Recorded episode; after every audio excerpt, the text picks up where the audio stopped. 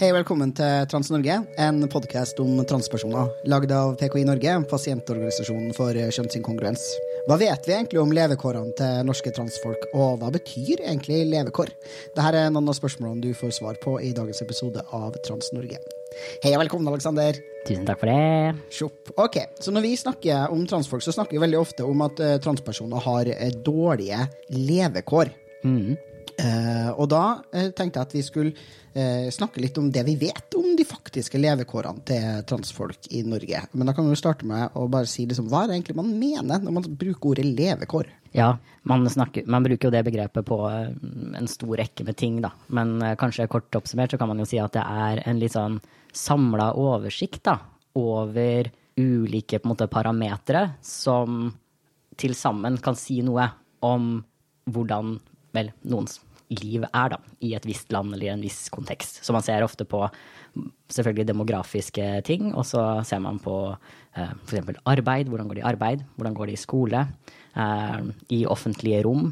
Altså utsatthet for vold, kriminalitet, eh, økonomi, eh, sosiale eh, kretser osv. Så, videre. så det er på en måte alle de store, viktige eh, arenaene av folks liv eller i samfunnet. Hvordan går det med enkeltindivider eller visse grupper inn i dette.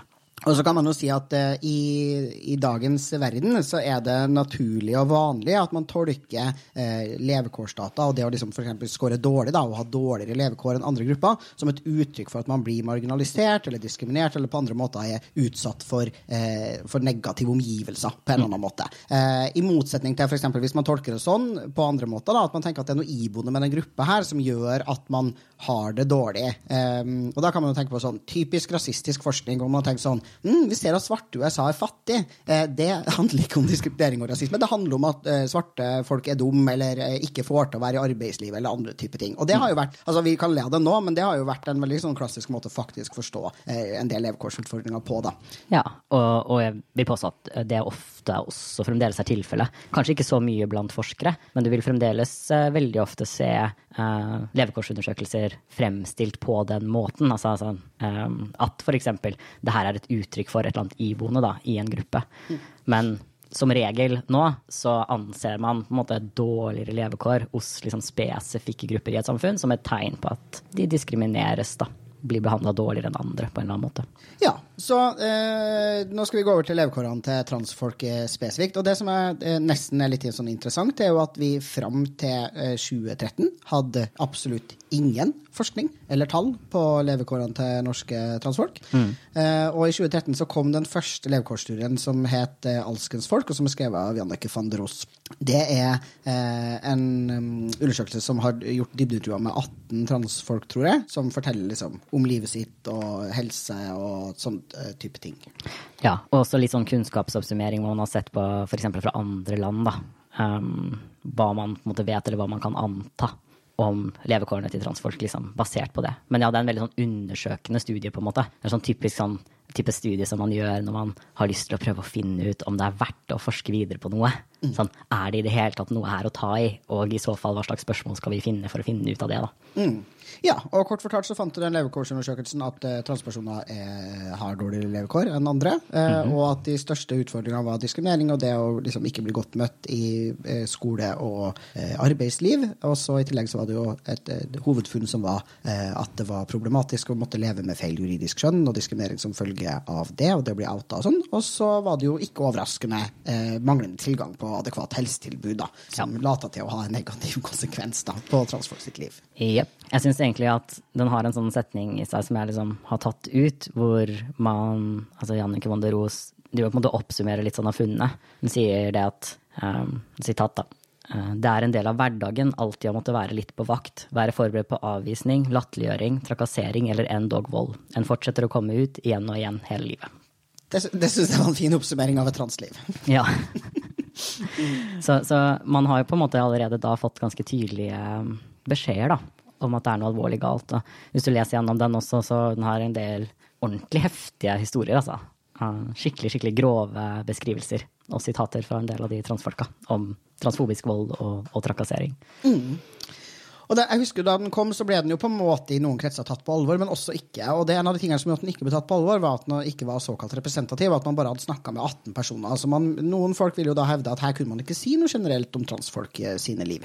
Um, og det er jo liksom fordeler og ulemper med eh, forskjellige typer måter å undersøke levekår på. Og selvfølgelig det er mange opplagte fordeler med å ha dybdeintervjuer hvor du faktisk snakker med folk og kan stille oppfølgingsspørsmål og høre hele sammenhengende historier om livet deres. Da får du en veldig inngående kunnskap om det mennesket sitt liv. Men eh, som sagt, da er det jo vanskelig å eh, få et stort datamateriale. da, eller som Du klarer ikke å snakke med veldig, veldig mange folk. Det er riktig. Altså, det er jo alltid for fordeler og ulemper. Da. Men en ting man kan si da, om en del som kvalitativ forskning, og hvorfor det liksom er viktig, er jo fordi det nettopp gir oss muligheten til å i det hele tatt vite hva slags type spørsmål man skal stille. Og nå er det jo klart at Vi som transfolk vi vet jo det, men jo mer marginalisert en gruppe er, jo mindre sannsynlig er det også at den gruppa selv da, er en del av forskergruppa. Sånn at det blir veldig, veldig viktig da, å ha den typen kvalitative undersøkelser hvor de her marginaliserte gruppene kan uh, dele uten å få sånne spørsmål som kanskje er helt irrelevante for livet deres, eller, eller som bare spør ting på en sånn måte at det ikke egentlig plukker opp det som er problemet. Når det er sagt, så tenker jeg det er ganske uimponerende at det tok så lang tid å få en sånn utforskende undersøkelse, og det er enda mer uimponerende at det tok så lang tid å få oss med på levekårsundersøkelser etter at den kom ut. Men ja, så nå eh, inkluderer man jo i stadig større grad eh, transfolk i, i, altså, ja, altså Statistisk sentralbyrå har jo begynt å inkludere noen spørsmål som går på kjønn og seksualitet i sine generelle undersøkelser av levekår til, til norske folk. Og så er det litt sånn mm, Jeg ser også f.eks. at store datamaterialer som, som Ungdata prøver også nå å liksom, se etter måter å finne ut av om folk er trans, og avdekke hvorvidt folk er trans, men transkvinner eller ikke-binære og sånn. Mm. Men eh, vi har foreløpig bare én stor eh, levekårsundersøkelse som faktisk handler om transfolk i Norge. Og den ble utført i 2020 og publisert i 2021. Og den tenkte jeg at vi skulle prate litt om i dag. Yes, let's do it. Ok, Så det her er en såkalt uh, representativ uh, levekårsundersøkelse. Eller, ja, og hva, hva betyr det? Så ordet representativ er jo altså, i seg selv, så man kan alltid snakke om representativitet, på en måte. Det vil så å si alltid være Eh, ikke være mulig å få et sånn 100 representativt utvalg. Da. Men veldig ofte når man bruker det begrepet, så snakker man om eh, type utvalg hvor man har sendt ut eller på en måte rekruttert fra et veldig sånn bredt slag av befolkningen, og mer eller mindre tilfeldig sendt ting ut, eller prøvd å få kontakt med folk. Um, og nummer to, at det ikke er gjennom um, måte, eh, si, at man selv velger seg selv inn da, i studien. Ja, altså, sånn, selvrekrutterer. Selvrekrutterer, takk. det var ordet. Ja. ja. ja at man ikke selvrekrutterer, da, sånn at, eh, sånn at man ikke måte, risikerer at det bare er de som f.eks. har lyst til å svare på de spørsmålene fordi de har en opplevelse med det, som ender opp med å svare. Altså, da får man et mer representativt utvalg. Um, så det man har gjort i denne undersøkelsen, er jo at de har brukt et sånt uh, liksom survey-selskap uh, som jeg ikke husker navnet på, som er veldig sånn typisk Eh, de har ofte liksom baser på sånn veldig veldig masse folk som de har muligheten da, til å sende eventuelle undersøkelser ut til. Um, og i dette tilfellet så har de da uh, ønsket å rekruttere måte, både heterofile folk og cis-folk um, som uh, et sammenligningsgrunnlag. Og da lesbiske, homofile, bifile og transpersoner. Og det skal sies at det er en LHBT-undersøkelse i utgangspunktet, så man har også ønsket å se på levekårene til lesbiske, homofile og bifile som er, som er cis-folk. da. Mm. Man har også brukt det som kalles sånn oversampling-strategi. Og det er basically at når man sender ut sånn, da man skal nå få nok personer med i utvalget sitt som er av en viss eh, minoritet, hvis de er i mindretall, så betyr det at man kan fortsette å sende ut eh, etter at man f.eks. har fått så mange man ville ha, som var heterofile cis-folk. Um, og I dette tilfellet tror jeg de la inn et spørsmål etter hvert, sånn at de etter hvert endret studien. sånn at folk hadde, hvis folk svarte at de var heterofile og cis, så ble liksom undersøkelsen avslutta, og de ble ikke telt med lenger. For sånn, Takk, vi har mange nok av deg. Ja, altså general note. um, nå har jeg ikke de tallene foran meg. Hvis jeg husker riktig, så tror jeg de var ca. 50-50 av, um, av, utvalget. Jeg tror omtrent halvparten av de 2000 eller noe sånt som har svart på, på undersøkelsen, som har vært um, heterofile cis-folk. Og så er det ca. halvparten da som har vært LHBT-personer. Um, hvorav rundt det noe, 250 eller noe sånt nå, som har vært transkjønna. Mm. Og det er spennende. Altså, det er ikke rekruttert gjennom Skeiv Ungdom, det er ikke rekruttert gjennom PKI. Det er ikke rekruttert på den måten, da. Så vi har et annet utvalg enn du ville fått hvis du f.eks. la det ut på Facebook. liksom. Ja, og det er jo en, eh, det man ville kalle en robusthet i forskninga, hvor man jo da ikke kan eh, kritisere oss for at vi har rekruttert våre egne som alle sammen er misfornøyd med Rikshospitalet og er aktivister og sånne ting. Jeg tror faktisk, altså, jeg har spurt litt rundt vennene mine liksom, om jeg kjenner mange som har svart på denne studien. Jeg personlig fikk den aldri, og jeg tror liksom nesten ikke jeg har møtt Jeg har møtt et par folk som har sagt at de har besvart den. Ja, eh, jeg har ikke fått den eller sett den heller, før det kom ut. Når det er sagt, selvfølgelig, alle sånne studier har jo sine issues i forhold til representativitet, og kanskje det mest kjente var jo, um, ikke den her spesifikt, men når man, eh, min, min samboer som påpekte til meg, eh, noen sånne studier hvor man hadde da sendt ut til folk sånne spørreskjema, hvor et av spørsmålene hadde vært pleier du ofte å svare på sånne spørreskjemaer som du får tildelt, og hvor nesten alle svarte ja. Det pleide de å gjøre. Ja. Så selvfølgelig, du vil ha en overrepresentasjon av personer som svarer på sånne type undersøkelser. Ja, og som, og som altså bare som er med i et sånn type panel, eller som har sagt ja eller noen gang til å svare på det. Og jeg, sånn, jeg må bare si, altså, jeg er en sånn person som svarer på sånne undersøkelser. Jeg er med i masse sånne paneler for tilsyn spørreundersøkelser. Jeg syns det er kjempeartig. Ja. Svare på spørsmål. Over en Ja. lav sko. Ja. Jeg gjorde også det. Jeg fikk sånn der fra Justisdepartementet om sånn kriminalitetsutsatthet her om dagen. Svart på det. ja, bra. Ja, ja, ja. Ok, så uh, En ting som jeg syns er eh, interessant med, liksom, også med metoden, på en måte her, er at man har eh, for første gang eller på, det, Ikke for første gang, men det er ganske sjeldent når man gjør studier på LHBT-personer, at man anerkjenner at, LHBT, altså at transpersoner kan være lesbisk, homofil og bifil. ja det. Eh, Så det her er en studie som faktisk tar høyde for at, at transfolk har en seksuell orientering. Um, det gir dem jo noen metodiske utfordringer, for de sliter jo veldig med hva de skal gjøre med de ikke-binære folkene. Eh, der har de gjort litt sånn rare ting, og vi trenger ikke å gå sånn voldsomt inn på hva de Nei. har endt opp med der, men de har endt opp med Vi kan jo gjøre det litt, da. For jeg tenker sånn, hvis du har lyst til å lese denne undersøkelsen senere og bare hoppe til noen av resultatene, så Ja. kan det jo være litt sånn relevant å vite det. En av, en av tingene de har gjort her, er at de har på seksuell orientering spurt eh, først om folks seksuelle orientering, hvor de kunne velge basically hva som helst av et stort spekter av ting. Fascinerende nok, på den lista av ting som de hadde lagt til, var metroseksuell. Ja, Faen, da er du altså, å, Det er så heterosismann født på 50-tallet å bruke ordet metroseksuell og tenke at det er De, de, jeg bare syntes akkurat det var artig. Ja. Da, når, um, men uansett, eh, så har de spurt deltakerne på det etterpå sånn eh, Vi må bruke et begrenset antall kategorier når vi skal analysere data.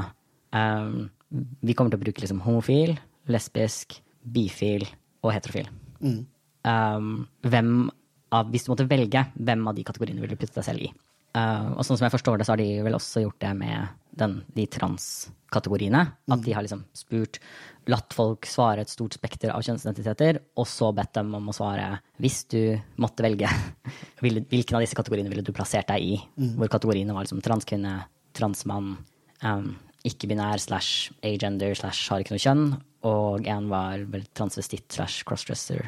Eh, de, har, de har ikke løst det ultimat, men det er opplagt en, altså det er en opplagt utfordring med å skulle eh, lage forskning på Ja. seksuell orientering og kjønnsidentitet. Det kan også sies at det her er vi litt usikre på, men det redegjøres ikke veldig tydelig for. Det redegjøres for hvordan man har vurdert liksom, transstatus, på en måte, og så redegjøres det for hvordan man har skilt mellom liksom, transmann og transkvinne. Dog det har man ikke gjort noe særlig i selve analysen. Um, men for de som er ikke-binære, så er det ikke så veldig tydelig for meg om de kommer inn i noen av disse kategoriene, da bifil mann osv. Og, eh, og hvordan man har valgt hvem som er liksom bifil mann og bifil kvinne fra svaret bifil, f.eks. Um, ja, det står ikke, så vidt jeg vet. Selvfølgelig, hvis noen av forskerne har lyst til å komme med innspill om hva som egentlig har blitt gjort her, så er det veldig eh, interessant for oss å se på. Men eh, analysene som de måtte gjennomfører, er litt sånn todelte. Og det vil si, som du jo sa også, er jo at transfolk har fått lov til å ha, ha, eh, sin, ha en seksuell orientering her. Og det vil si at eh, når du ser på kategoriene som heter liksom homofil mann, bifil mann, bla, bla, bla, så inkluderer den kategorien transfolk. Altså, eh, bifil mann-kategorien inkluderer bifile transmenn. Man har ikke på en måte skilt mellom de, så det betyr ikke liksom cis bifil mann når man leser den statistikken. Um, og så har man separat fra det skilt mellom cis-folk, transfolk, eh, nei, ja, eller cis-folk, ikke-binære transfolk og binære transfolk. Um, som en separat analyse. Um, og det kan jo være verdt å si her at fordi man har oversampla på både uh, LHB-personer og på transpersoner, så er det en overrepresentasjon av LHB-personer blant transpersonene og en overrepresentasjon av transpersoner blant LHB-personene. Kanskje primært den siste, som jeg vil tenke at det er overrepresentasjonen. Da jeg tenker at de sikkert har oversampla mer for å nå transfolk. Mm.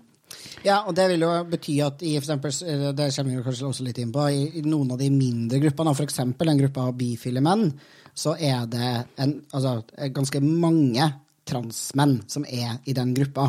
Eh, og det kan jo kanskje gjøre da, at eh, hvis vi legger til grunn, og det kan vi legge til grunn, for det viser undersøkelsen her, at transfolk har dårligere levekår enn eh, både cis-folk og cis-folk som er LHB, mm.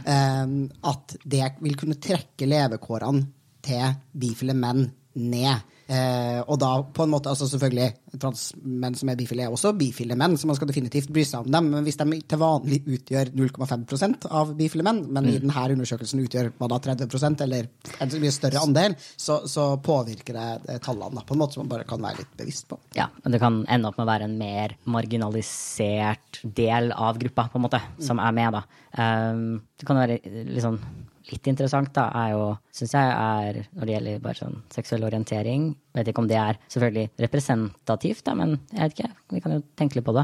Um, der så er det sånn at, at de som er cis, da, så er bifile menn er den kategorien med færrest cis-personer. Mm. Med, de har 84% som er cis. Og det er jo ganske overrepresentasjon av transfolk i forhold til befolkningen for øvrig. Yep. Um, og så har vi fascinerende nok på uh, andreplass heterofile menn så har vi bi med 87% Så har vi bifile kvinner med 89 uh, Heterofile kvinner 92, lesbiske kvinner 93 og homofile menn 94 cis. Ja, så... så lesbiske og homofile er minst trans i dette utvalget. Ja. Det er rett og slett uh, en liten sjeldenhet å være deg. Altså en homofil transmann. Der fikk du det svart på hvitt, Alexander, hvis du noen gang har følt deg litt ensom i den verden. Du bør føle deg ensom.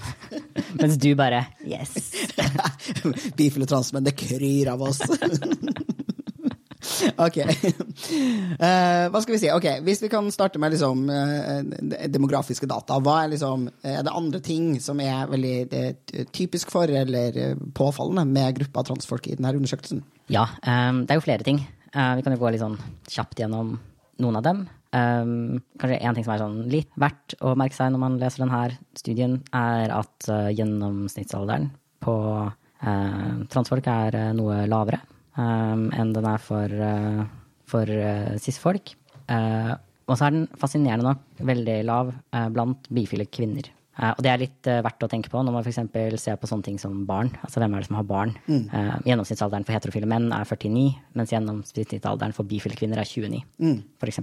Ja, og alder kan også påvirke en del ting, som sånn uh, høyeste fullført til utdanning, hvor høy inntekt du har og sånne ting. Der ja. har man jo en grunn til å tro at folk som er 25, ofte har lavere inntekt enn folk som er 55.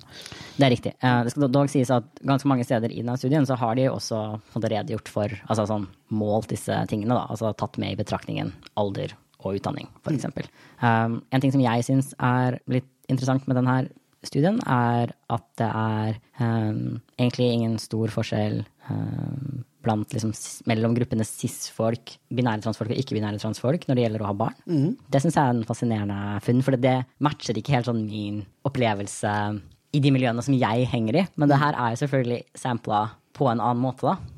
Um, på en måte kanskje litt fint, da. Ja, det er hyggelig at transfolk har barn. Altså Hvis cis-folk skal ha barn, så Ja. ja. Uh, homofile menn, derimot, bare 80 som har barn. Ja. Sammenligna med da 37-38% blant transfolk svarer at de til barn. Ganske mange. Ja. Så kan vi jo kanskje snakke litt om uh, dette her med å tilhøre flere minoritetsgrupper. Ja, der er det jo en uh, durabelig overrepresentasjon av uh, transfolk blant uh, ymse viumper i mye større grad enn uh, de andre gruppene og tilhøre uh, ja, å ha en funksjonsnedsettelse av en eller annen slag og tilhøre en nasjonal minoritet eller urfolk. vi opprører også i noe større grad å ha Hvordan er det med å stille spørsmål om hudfarge, eller Ja, vi kan jo komme til det. Vi ja. kan jo begynne med um, For de har, de har, flere spørsmål. Man har lyst til å kartlegge liksom, andre minoritets grupper da, som folk kan være en del av også. Mm. Så eh, den første er at de har prøvd å liksom grovt sett kartlegge eh, liksom, eh, delt folk opp i da, de som er tilhører en minoritetsgruppe basert på etnisitet, religion eller funksjonsnedsettelse. Det, det, det er bare en sånn, litt sånn grov kategori. Eh, og der er det en overrepresentasjon blant transfolk, en ganske tydelig overrepresentasjon blant transfolk på alle. Hvis man ser litt sånn nøyere på hva man spesifikt har spurt om, og de liksom spesifikke tingene, så er jo den ene om det å tilhøre en nasjonal minoritet i Norge. Da har man stilt spørsmål, har man tatt med gruppene, um, siterer fra den, samer, jøder, kvener slash norsk- norskfinner, rom, eh, romani slash tater og skogfinner. Det er for the record det, eh, altså, det som i Norge anses som urbefolkning, og de nasjonale minoriteter som anerkjennes som nasjonale minoriteter. Ja. Og da kan man jo se, da. Eh, Blant siste-personene så var det i utvalget 1-3% som oppga å tilhøre en av de seks minoritetsgruppene. Blant transpersoner i utvalget var det en mye større variasjon, står det. Så størst var andelene blant de som var binære transfolk. Og der var fordelingen som følger. Eh, 10 var samer, 11% jøder, 9% kvener slash norskfinner, 4 rom, eh, 7% romani slash tater og 4% skogfinner. Um, og det står også at de var signifikant forskjellige, da. Også etter kontroll på bakgrunnsfaktorer. Jeg syns det er litt sånn interessant. Um, også blant de ikke-binære transpersonene så var det også i større grad enn cis-personer, uh, altså flere som var uh, 6 som var samer, 6% som var kven slags norskfinne, men ikke noen andre enn de, tror jeg, som var signifikant forskjellige blant de som var ikke-binære, sammenlignet med de som var cis. da. Og det er jo spennende.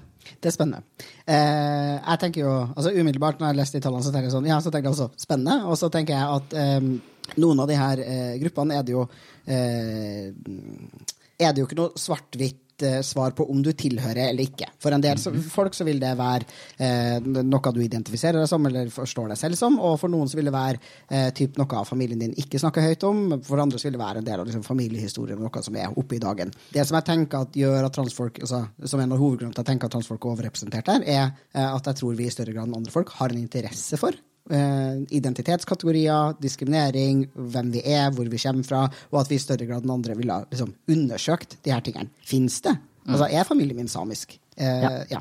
Så, altså, det vet man jo ikke. Det kan jo også være en reell overrepresentasjon eh, av ulike grunner. Uh, det er jo ikke blitt undersøkt, men det, det tyder jo på da, at man kanskje bør ha litt mer forskning som er litt mer interseksjonell. For vi ser jo at det her er en gruppe som er mer mangfoldig da, enn eh, majoriteten, i hvert fall hvis man skal tro det her utvalget. Eh, en ting som er verdt å, å merke seg, er at de faktisk til og med kommenterer det her med at noen sier sånn Har det vært en mulighet for at det er liksom tullesvar, på en måte? At folk har liksom vært sånn Jeg er alle de her tingene, på en måte, som en sånn spøk, eller noe sånt noe. Og de sier veldig tydelig at uh, de har tatt sånne ting med i vurderingen, og det er ingenting i de her svarene som skulle tilsi at det her er tull, eller at det ikke er sant, eller at det er på en måte overdrivelse. Og de nevner det samme som det du gjør, at man vet ikke helt nødvendigvis hvorfor det er sånn, men at det f.eks. kan være en sammenheng da, mellom det å være en, i en, en marginalisert posisjon, um, og dermed også bli mer var uh, andre former for marginalisering da, i ditt egen liv eller i din egen slekt. Sant? Så det kan jo f.eks. bety at hvis du har for en bestemor som er samisk, um, som, har, um, som du ikke har kjent veldig godt, da, eksempel. Og du er si, en heterofil cis-mann som føler deg veldig hjemme i norsk kultur og kjønnsrollene her, og på en måte føler deg bare Det her er deg, liksom. Så er det ikke gitt at du kanskje har nødvendigvis da, samme behov for å på en måte lete etter eller søke etter mer marginaliserte personer, f.eks. i familien din, da. Sammenligna med hvis du føler deg for eksempel, utstøtt fra deler av familien din, utstøtt fra norsk kultur og forståelsen i norsk kultur av hva kjønn er, osv. Ja, men eh, det har definitivt vært spennende å forske mer på. Og så tenker jeg jo at man bør også da, i, i, i forskning som handler om andre minoritetsgrupper enn trans, også definitivt ha med seg det interseksjonelle perspektivet. og være sånn, ok, Hvordan stiller dere spørsmål om kjønn? Altså Får dere med dere transfolkene? Men, men en ting som er Så, så det her spørsmålet er jo ikke sant, mer eh, her, her vet vi ikke så godt hva det vil si, f.eks. Sånn som du sier, da, at noen har svart at de er skogfinner, f.eks. Sånn, hvor, hvor nært er det? Men vi har jo noen andre spørsmål som jeg tenker at er mer tydelige, som er nettopp det du nevnte der. Da. Og en av dem er jo det å ha en hudfarge som skiller seg ut i Norge. Det er jo en mye mer skal si, konkret kategori, da, hvor det er lett å vite om noen er en del av den eller ikke, eller om man selv er en del av den eller ikke. Stort sett, tenker jeg. De fleste skjønner hva man mener med det spørsmålet. Og der er det jo en ganske stor forskjell. da. Der har det um, 19% av binære transfolk og 8% av ikke-binære transfolk som har svart at de har en hudfarge som skiller seg ut i Norge, sammenligna med 5 av cis-folk. Så forskjellen mellom cis-folk og ikke-binære transfolk er ikke noe stor her, egentlig. Mm. Men for binære transfolk så er det altså nesten 20% ja. som svarer at de ikke er hvite, basically. Um, og også en stor organisasjon av folk født utenfor Norge, der det er 18% både blant ikke-binære transfolk og blant binære transfolk mm. sier at de er født utenfor Norge, sammenligna med 7 blant de som er cis. Det er spennende. Det er spennende. Ja, det er det. For meg så er det ikke kjemperart. Jeg tenker f.eks. at en del folk, eh, i hvert fall erfaringsmessig, en del folk jeg kjenner i miljøet, har jo nettopp kommet til Norge mm. Eh, fordi de er skeive. Um, sånn at så rart tenker jeg ikke at det er, da. Men igjen, det er en grunn til at vi påpeker det her, liksom. Vi må ha mer forskning på de gruppene, og mer forståelse for at det ikke nødvendigvis er sånn ekstremt få da, som faktisk er minoriteter på mer enn én måte. Nei, for det føler jeg at det er litt sånn tropen for tida når folk snakker om liksom interseksjonelle perspektiver. Sånn, så er det folk som er sånn Ja, og så bare er du liksom Det er sånn, eh, sånn svart samisk eh, transkvinne da, som bruker rullestol. Så er det sånn Du snakker som om de menneskene ikke fins. Liksom. Som om det mm. ikke er altså, Og det er jo selvfølgelig Ja. Mm, mm, det er Som det ikke er noen, da. Ja. Ikke sant? Det er bare sånn, Som om det liksom er så få at det liksom ikke er noen. Og da tar man jo heller ikke med i betraktningen også at liksom eh, hvis man tar med alle de forskjellige måtene man kan være en minoritet på, mm. så er det jo veldig mange som er minoritet på i hvert fall én måte. Ja. som er måte, litt av poenget også. Det er sånn, ja, Men ja, vi er vel alle enige om det. Jeg tror også de fleste som lytter til oss, er enig. Jeg håper på det, ellers kan du slutte å lytte. Nei, fortsett å lytte. Det, men ja. Ok, så da har vi snakka litt om liksom hvem, det, hvem de transfolkene som har svart på det her. Så tenker jeg at Det er jo en ganske lang og stor undersøkelse. Den er ganske interessant å lese, som folk må jo bare titte gjennom. Men jeg tenkte vi skulle gå for liksom, bare liksom, de grøvste hovedfunnene. Hva er det du Alexander, tenker at det er liksom det viktigste som folk burde vite om uh, norske transfolk sine levekår? En ting kanskje vi kan begynne med, da, er det her med utsatthet på arbeidsplass og studiested. Og en av tingene blant annet, som de har spurt om, er dette med trakassering.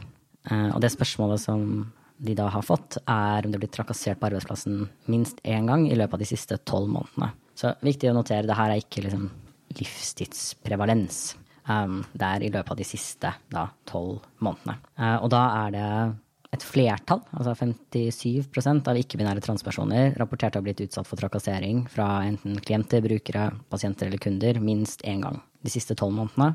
Uh, nesten halvparten av de binære transpersonene, 46% rapporterte om det samme, um, til sammenligning med da 27 blant cis-personer. Um, transpersoner rapporterte også høyere andeler av trakassering fra kollegaer.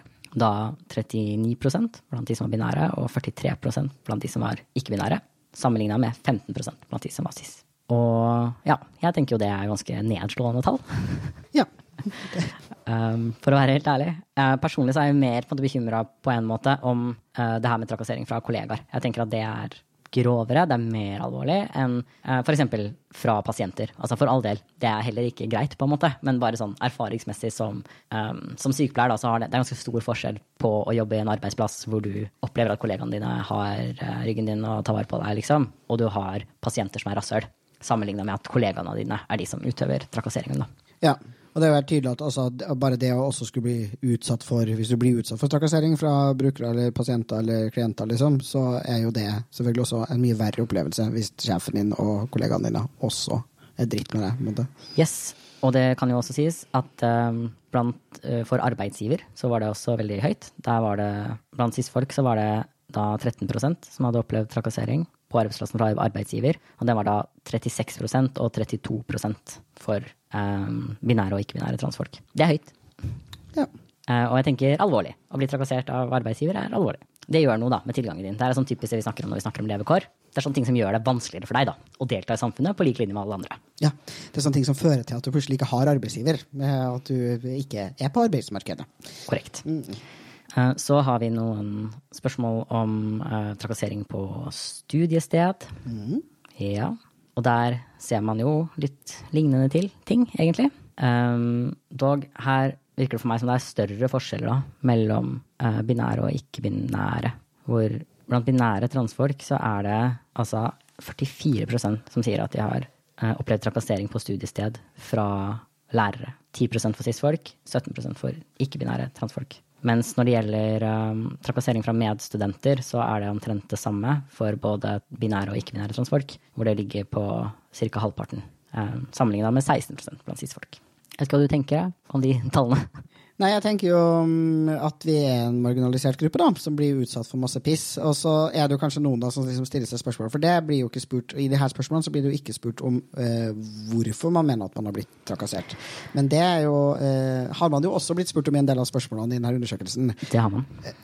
og da har man jo typ sånn, eksempel på arbeidsplassen har spurt sånn her, har du i løpet av de siste fem årene opplevd negative kommentarer eh, eller oppførsel fordi du er lesbisk, homofil, bifil og eller transperson. Eh, og det man jo ser da, er jo at uh, det, det, skjer også i bøtta og spann. Ja. Uh, sånn at ja, det, det, ikke bare blir transfolk mye diskriminert og trakassert, vi blir det som spesifikt fordi vi er trans, men selvfølgelig også for andre ting. Og det å være trans kan jo i seg selv gjøre deg mer utsatt for trakassering. Altså det at du er normbrytende, eller at folk bare liksom ikke liker trynet ditt fordi du er trans, kan jo skje uten at det liksom er fordi du er trans. Altså at mm. folk ikke skjønner at det er derfor de ikke liker deg. I tillegg så vet vi jo fra de dataene vi presenterte i stad, at mange transfolk tilhører også andre marginaliserte grupper gruppa, så man kan jo også bli trakassert pga. det. Det er riktig, og i, i dette utvalget også, så, så, er jo også mange av disse transpersonene altså homofile, lesbiske, bifile osv. Så, videre. mm. så det har jo også noe å si. Det er også en måte å være to minoriteter på mm. i samfunnet. Så det er klart. Um,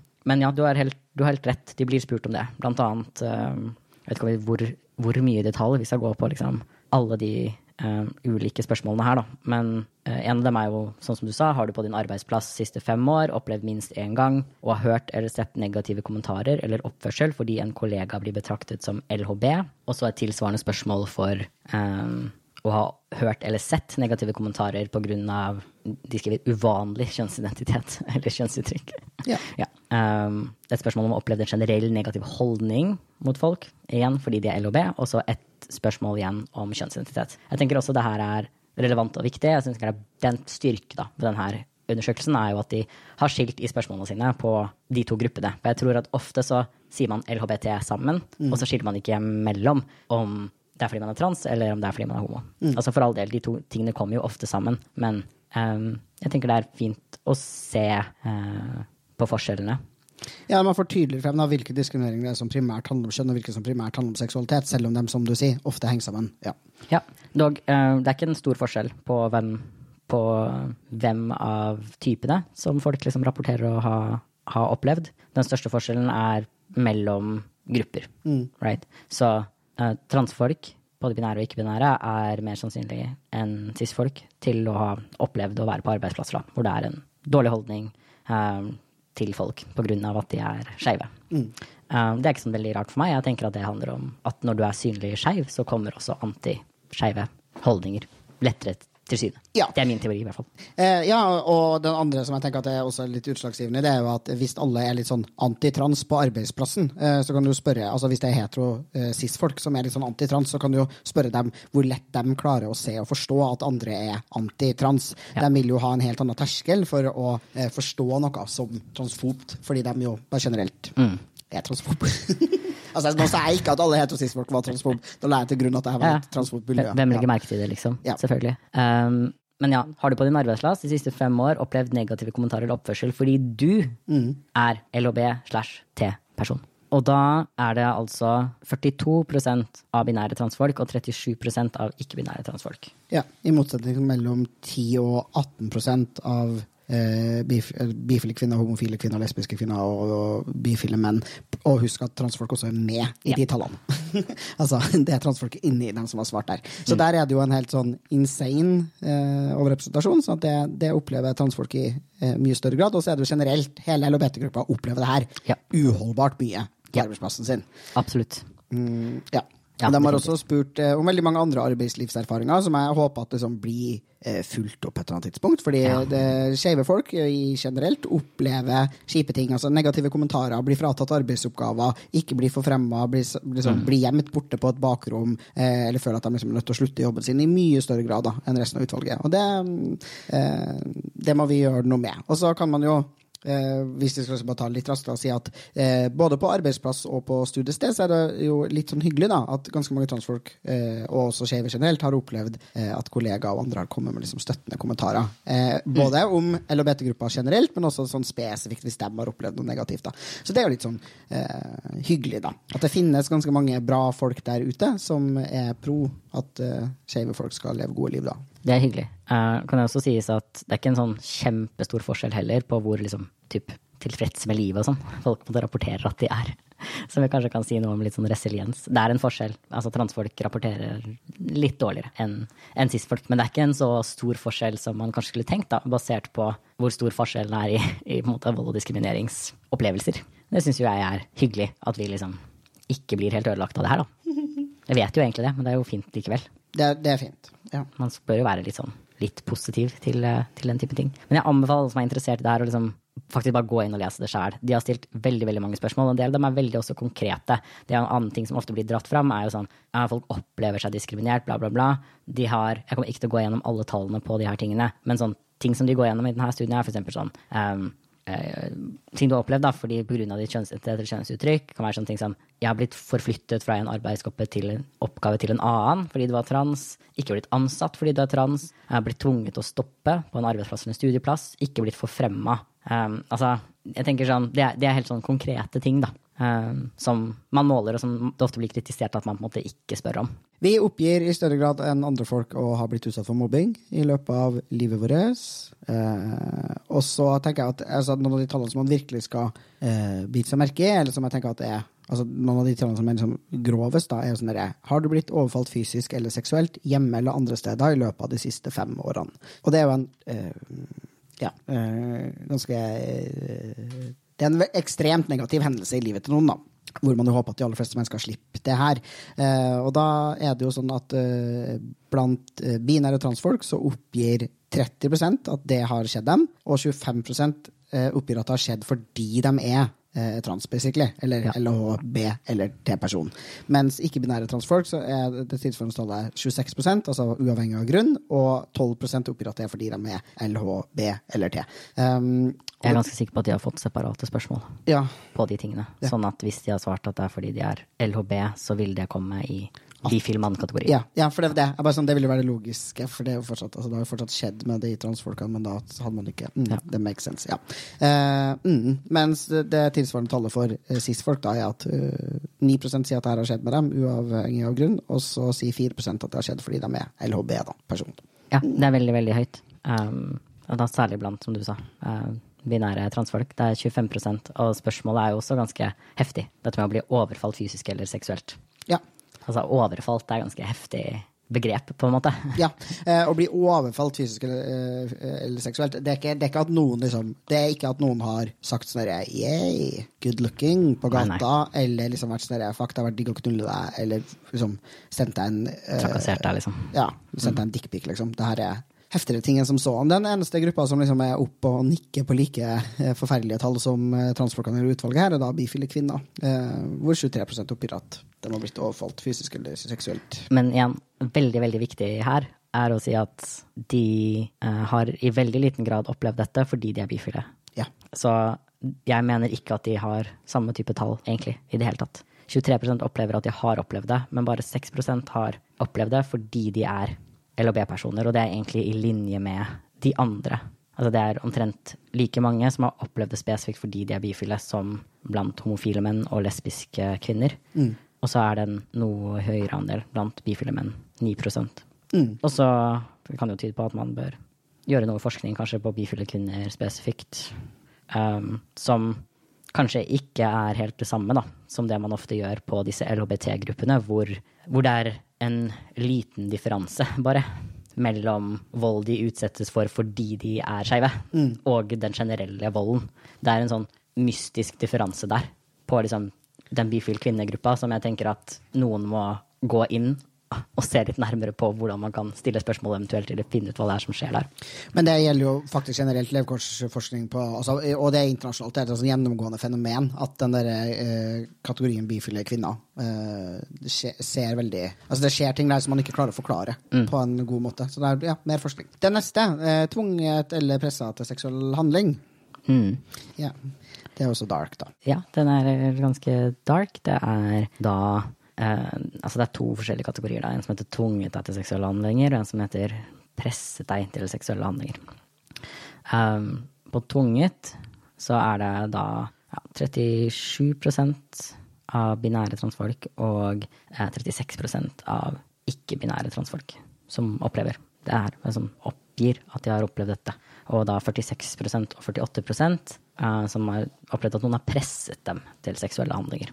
Ja, det tilsvarende tallet for cis-folk er da 15% også tvunget til seksuell handling, og 27% pressa til seksuell handling. Eh, så det er en ganske markant forskjell, da. Ja, så det jeg hadde lyst til å bare svare på, eh, liksom kommentere kjapt på det her med å bli tvunget til seksuelle handlinger, er hva spørsmålet som folk faktisk har svart på, er. For jeg tenker det er litt relevant. De skriver ikke nødvendigvis alltid det nøyaktige spørsmålet. Og det spørsmålet man har fått, da, er har noen mot din vilje noen gang tvunget deg til seksuelle handlinger, parentes samleie, oralsex, analsex, puttet fingre eller objekter inn i din vagina eller anus, ved å bruke fysisk makt eller ved å true med å skade deg? Um, og grunnen til at jeg bare har lyst til å liksom, kommentere det, er fordi blant annet når det her ble dekket uh, i NRK, så ble det dekket som uh, så, så mange transpersoner har opplevd seksuelle overgrep. Seksuelle overgrep stort sett rammer et mye større spekter av opplevelser enn det som det her er. Okay? Så det her er det som per norsk lov er en voldtekt. Mm. Um, det handler om å Altså tvungen penetrering ved bruk av liksom, fysisk makt vold eller trusler, eksplisitte trusler om å skade noen. Det inkluderer også ikke uh, f.eks. nødvendigvis da, en sovevoldtekt. Mm. Uh, sånn mener jeg, da. Jeg mener at si, ved å bruke fysisk makt eller ved å true med å skade deg. Det er i hvert fall ikke en eksplisitt måte å spørre f.eks. har noen um, hatt sex med deg i, når du var i en tilstand hvor du var for full til å samtykke, mm. eller hvor du sov, eller osv. Som ofte er spørsmål som man bruker når man prøver å kartlegge også voldtekt. Mm. Sånn at de tallene her er ekstremt høye, selv om man skulle tenkt på det som å ha blitt måte, tvunget til bare en hvilken som helst seksuell handling. Men de er også ekstremt høye, hvis vi tenker på det her som en spesifikk litt liksom, fysisk voldelig eller verbalt truende voldtekt. Mm. Det er jo litt dark, men jeg tenker det faktisk er verdt å ta med. Da, for jeg mener at veldig mye av samtalen rundt transfolk og den diskriminering og vold som vi opplever, blir ofte formulert som om vi uh, hele tiden overdriver det vi utsattes for. At, liksom, at det vi kaller ja, å ja, så og så mange transfolk har opplevd seksuelle overgrep, så tenker folk sånn ja, de har blitt klaska på rumpa en gang, liksom. Mm. Det, er sånn, det er faktisk ikke det vi snakker om. Og vi har heller ingen grunn til å tro at transfolk um, liksom overrapporterer vold i denne typen studier. Heller tvert om. Så stort sett så har, viser forskning på, på dette feltet at marginaliserte grupper, inkludert transfolk, underrapporterer vold. Mm. Um, det tror jeg også Janne Kevanderos snakker om i Alskens folk, til en viss grad. At um, en del av uh, personene hun snakker med, f.eks., når de blir spurt direkte om de har opplevd uh, å bli diskriminert fordi de er trans, så svarer de nei. Og så beskriver de likevel i kvalitative intervjuer opplevelser som definitivt er å oppleve diskriminering mm. fordi du er trans. Sånn at jeg tenker det er viktig, da. Det, vi har ingen grunn til å tro at liksom, transfolk sier at de opplever mye diskriminering eller vold fordi de bare overdriver eh, om, om, de hendelsene de opplever. Også når transfolk blir spurt helt konkrete spørsmål da, om veldig tydelige voldshendelser, eller blir spurt om de har blitt overfalt fysisk, så er de her tallene skikkelig høye. Så skal vi ha en dark note til, da. Eh, og det er jo da selvmordsatferd i løpet av livet. Her har man altså blitt spurt om man i løpet av livet har hatt selvmordstanker, og om man i løpet av livet sitt har forsøkt å ta sitt eget liv. Da kan man jo si at uh, blant, altså, blant binære transfolk så sier 69% at de har hatt selvmordstanker. 34% sier at de har forsøkt å ta sitt eget liv. Ikke-binære transfolk så sier 76% at de har hatt selvmordstanker, og 30% sier at de har forsøkt å ta sitt eget liv altså, eh, forsøk på å ta sitt eget liv blant transfolk er altså da henholdsvis 34 og 30% Det tilsvarende tallet for cis-folk er 12% Det er jo litt trist. Det er litt trist. Eh, ja. Og så eh, jeg, vet ikke om du husker det, men Espen Esser skrev en sånn, et kapittel en gang til en sånn bok som egentlig handla om diskriminering mot homofile og lesbiske eller helsehjelp eller hva det var for noe, mm. hvor hen liksom, bruker begrepet de overlevende om transfolk. Uh, kanskje særlig på den tiden, det var en stund siden, da. Og det var jo nettopp på grunn av den opplevelsen der, da, av at veldig mange transfolk ville ha overlevd selvmordsforsøk selv, eller opplevd at personer de kjente, da, tok sitt eget liv. Det, er jo, det er jo mørkt, liksom. Men jeg tror ikke man skal undervurdere det heller, at én ting er belastningen på en selv, men det er også belastende på et miljø. Og, en og en bevegelse og en gruppe, da. Voldsutsatthet er også sånn. Det berører aldri bare den enkelte personen, på en måte. Så når levekårene blir så jævlig at folk ikke liksom orker mer, så er ikke det noe som bare går utover personen, selv om det selvfølgelig hadde vært forferdelig, selv om det bare gjorde det òg. True. Um, helt sånn avslutningsvis også, så har jeg bare lyst til å si at en annen ting som både denne studien og mye annen forskning også viser, så er jo det også at um, hvis altså folk som er marginalisert på en måte, de opplever mer av alle former for diskriminering som um, på en måte deres grupper utsettes for. Og det betyr at veldig ofte, vi kommer ikke til å gå gjennom alle de tallene, det er fryktelig mange tall i denne rapporten, um, men kort oppsummert så betyr det at eksempel hvis du sier uh, sitter i rullestol og du er uh, transkjønna, så er sannsynligheten større både for at du opplever transfobi, og at du opplever å bli diskriminert fordi du sitter i rullestol, enn for noen som var cis og satt i rullestol, eller noen som var trans og ikke gjorde det. Um, og det er det nok sikkert veldig, veldig mange ulike grunner til, men det er et ganske eh, velkjent funn. Så diskriminering kommer ofte sammen, da, og det ser man også i den studien her. At skeive folk og transfolk særlig også opplever mer av andre former for diskriminering dersom de er en del av flere minoritetsgrupper. Ja, det var jo dark. Eh, det er også en del liksom positive og fine funn i denne undersøkelsen om at vi er velorganisert og trives ganske godt med livet vårt jevnt over, og synes at eh, liksom, eh, mange er fornøyd med grad av åpenhet og syns at livet ikke er så ille.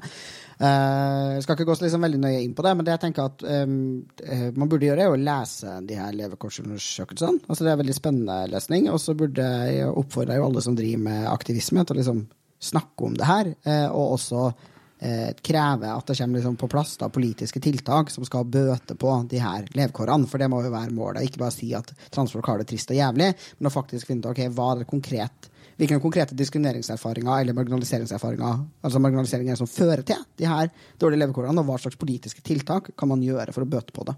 Mm. For det er altså da, bare så det er helt tydelig, det er urettferdig at transfolk skal ha så dårlige levekår. Det har vi ikke fortjent. Så vi fortjener å ha like gode levekår som cis-folk. Absolutt. Helt enig. Uh, og ja, den, den, studien her, den er masse, den er 200 sider, denne her rapporten. Den er verdt å, å lese. Um, kanskje særlig hvis du syns at denne veldig tørre episoden var spennende, så tror jeg du kommer til å elske å lese den rapporten. Ja. Um, og hvis du syns det her var kjedelig, vel, noen ganger så blir det sånn, men det som for oss er litt viktig, da, er å vise til at vi har nå faktisk fått noen tall. De rapporteres om i altfor liten grad. Nå har du hørt noen av dem. Uh, bruk det for det det er verdt. Um, vi har blitt fortalt i årevis at vi ikke hadde tall. I hvert fall vi som måte, har vært aktivister på det her ganske lenge, fikk beskjed om det. Hele tiden. Vi sa vi blir utsatt for diskriminering, vi blir utsatt for vold. Bla, bla, bla. Transpersoner er en sårbar gruppe. Fikk beskjed om at ja, hvor er tallene deres?